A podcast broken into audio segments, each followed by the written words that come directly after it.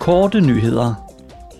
I Strasbourg vil Europaparlamentet i morgen formiddag drøfte den seneste udvikling i det krigshærede Ukraine samt fremtidige bestræbelser på at genopbygge landet på en bæredygtig måde. Flere emner vil blive drøftet under den fælles debat, hvor parlamentet vil stille skarpt på den nylige ødelæggelse af Novakarkovka-dæmningen. Den ligger i et område i det sydlige Ukraine, der kontrolleres af russiske styrker. Under morgendagens debat forventes det, at parlamentet opfordrer EU til at fremme sin fødevaresikkerhed og sin strategiske uafhængighed. I lyset af Ruslands angrebskrig mod Ukraine og konsekvenserne af covid-19-pandemien opfordrer parlamentet i et udkast til, at man bruger af EU strategiske fødevarelager. Parlamentet kræver også et EU-program, der er dedikeret til forvaltning af vandressourcer og reduktion af madspild.